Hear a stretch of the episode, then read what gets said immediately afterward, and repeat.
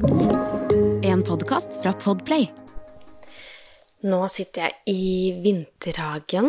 Eh, ligger og sover i vogna. Ja, hun sover faktisk i vogna. I dag, når jeg gikk og trilla bortover landeveien, så tenkte jeg på hvor enormt takknemlig jeg er for at hun faktisk nå vil ligge i vogn. For ja, vi har hatt et barn med kolikk. De første tre månedene var det så intenst mye gråting at jeg visste til tider hvor, ikke hvordan jeg skulle holde ut. Og nå så ser jeg tilbake på det og kjenner meg veldig takknemlig. Og jeg tenkte når jeg gikk den turen, at i dag skal jeg spille inn en episode hvor jeg forteller litt om hvordan jeg opplevde å ha et barn med kolikk. Og alle barn er forskjellige, ja. Men jeg husker så godt at når jeg fikk tilbakemeldinger fra følgere på Positivista som eh, skrev at de opplevde noe av det samme, så var det litt godt å ikke kjenne seg så alene. Så jeg tenker at eh, ja, denne episoden har jeg veldig lyst til å spille inn i dag. Jeg heter Merete Gamst, og dette er Positivista-podden. Den følelsen når man prøver alt, absolutt alt, alle tipser boka, men barnet bare gråter. Og sånn intens gråt, så det skjærer i hver celle i kroppen. Det gjør vondt i hjertet, og det gjør vondt i hodet, fordi å ha en sånn gråt inn i øret konstant er jo tortur. Men kanskje verre er jo at man står der som mamma og ser ned på det barnet som skriker etter hjelp. Det oppleves jo sånn. Og så klarer man ikke å hjelpe.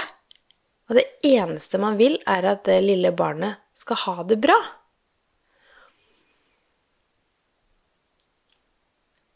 Jeg prøver å skru tiden tilbake, for nå har Noel akkurat blitt seks måneder. Og de første tre månedene så var det så mye intens gråt at jeg faktisk sto og slo i veggen, jeg. I vinterhagen her jeg sitter nå så er det en vegg, og jeg la ungen ned ute i stua og gikk ut her og mm, sto og slo i veggen. For man blir så frustrert at man vet ikke hva man skal gjøre av seg. Og det Jeg bare føler så med deg som står midt i det nå, fordi jeg fikk så mange gode tips og råd. Og veldig mange sier sånn Husk på det, det er en fase, det går over. Men så står man midt i det, og hver dag kjennes ut som en liten evighet da, med den gråten. Så ja Tre måneder er veldig lenge, og jeg vet at det er flere som opplever at eh, det varer mye lenger enn tre måneder. Og jeg føler veldig, veldig med dere. Og jeg kan jo bare snakke ut fra min erfaring og hva jeg opplevde. Og noe av det verste jeg tenker eh, var med å, å ha et barn med kolikk, var at jeg ikke følte tilknytning til tulla mi i starten. Ikke på samme måte som jeg hadde med Amelie, fordi det er noe med når du får eh, første barn, og så går man gravid, og så forventer man at man skal få eh, en Amelie til, da, i mitt tilfelle. Og hun gråt, hun òg, men ikke i nærheten av de mengdene vi opplevde denne gangen. Så man bare forventer at ja, nei, vi skal ta med disse jentene på tur, og ikke noe stress, det blir sikkert eh, akkurat det samme, det her. Litt sånn som er glad i å sove og glad i puppen og generelt blid. Og så kommer det en unge som på en måte stort sett gråter, og da er det ikke så mye tid til å få den connection. Og det syns jeg var så vondt, for jeg ble liksom nesten litt sånn Åh, kan du ikke bare slutte å gråte? Mm. At man kjenner på nesten sånn sinne slash frustrasjon, da. Og det var skikkelig fælt å kjenne på, fordi det er bitte litt uskyldig barn. Du har jo ikke lyst til å være frustrert eller sint på det barnet. Og det er jo stakkars det lille barnet som har det vondt, men bare når man står på time fire uten at noe hjelper, så, så kan man bli frustrert, da. Så mitt tips der var bare å hjelpe, for jeg kjente at når jeg var alene med begge, var jo én ting, det var en kjempeutfordring, men også bare det å være alene med eh, Noel uten at det var noen andre her, da syntes jeg det var tøffere, for da skal ikke så mye til det liksom, at det er et par andre hender der som kan ta imot ungen i fem minutter. Det hjelper. Da samler man energi og bare Å, gå litt på avstand, høre gråten. Å, da kommer man hjem og hjelper jenta mi. Kom her. nå stå med det på time fire helt alene, det er da man kjenner på den frustrasjonen, da. Så det å be om hjelp eh, har vært helt avgjørende for meg, så jeg har eh, absolutt bedt om hjelp.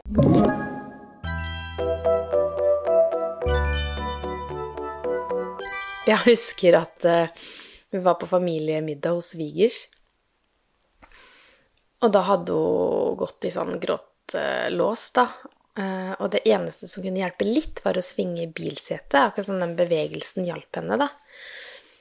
Absolutt ikke kjøre bil, men å svinge det samme bilsettet, det likte hun. Så vi sto og svinga. Så da, for at ikke man skulle forstyrre middagen, så var det noen litt sånn forskjellige Altså to dører inn til badet. Så i enden av gangen. Så der gikk vi på tur inn og svingte bilsetet og byssa.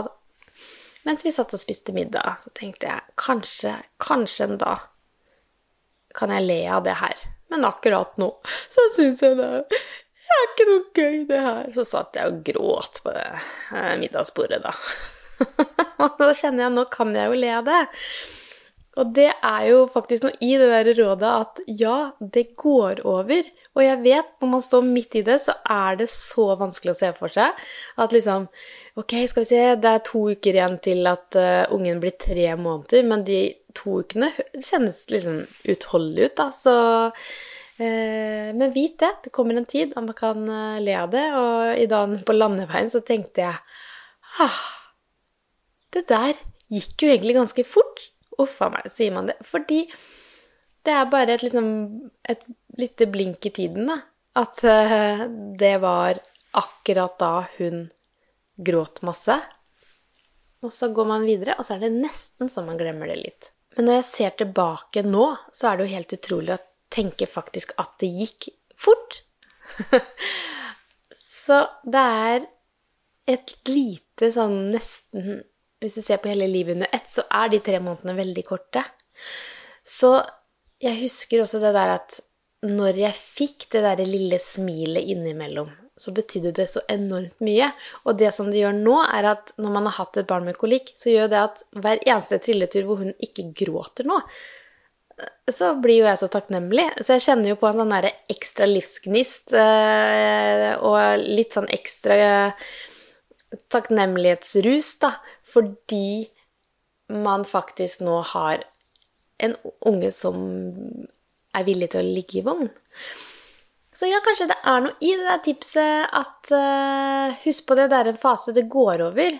Og det kan kjennes ut som det er uh, langt fram i tid når man står i det, men fy søren, nå sitter jeg her og tenker jo Ja, det gikk over, det òg. Ah, så bra. Og så er det en del som spør meg akkurat hva er det vi gjorde som fungerte. Og selvfølgelig, som alle sier, alle barn er forskjellige, så hva som funka for oss, funker ikke nødvendigvis for eh, andre. Og vi var i en sånn Jeg fikk så mange tips fra fine følgere på Instagram. Eh, jeg er jo sånn Gi meg tips, hva skal jeg gjøre? Så det gikk jo i alt fra pruppeventil som ble sendt fra Sverige, til eh, slipskip og blinkende lys og eh, silkeskjerf som jeg liksom tok opp i ansiktet hennes og Altså, ja, det var så mye. Men det som funka for oss, var jo den bilstolen. Eh, og så var vi hos eh, kiropraktor og eh, brukte en del eh, massasjeteknikker for å få ut luft. Det følte jeg fungerte. Og ja, hun fikk jo inn mye luft når eh, hun lå på brystet, så bare det å se hvordan, hvilke posisjoner er det som fungerer eh, best når vi ammer, sånn at hun får inn minst mulig luft. For det, jeg var aldri i tvil om at det var vondt i magen eh, hun hadde, da. Så det var å prøve å lette på, på at hun hadde vondt, rett og slett.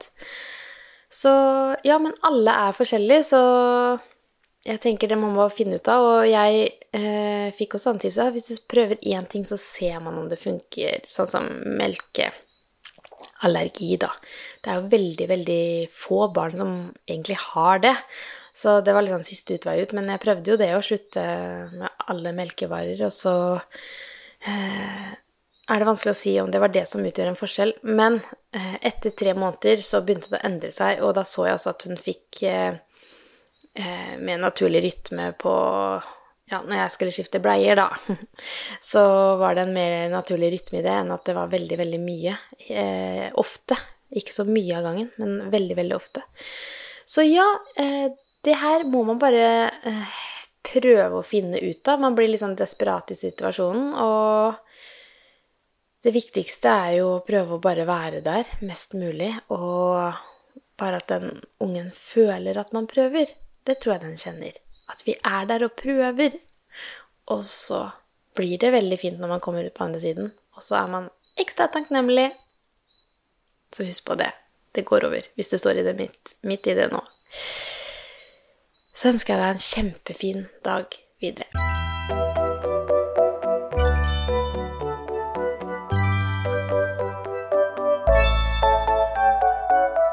Du har hørt en podkast fra Podplay en enklere måte å høre podkast på. Last ned appen Podplay, eller se podplay.no.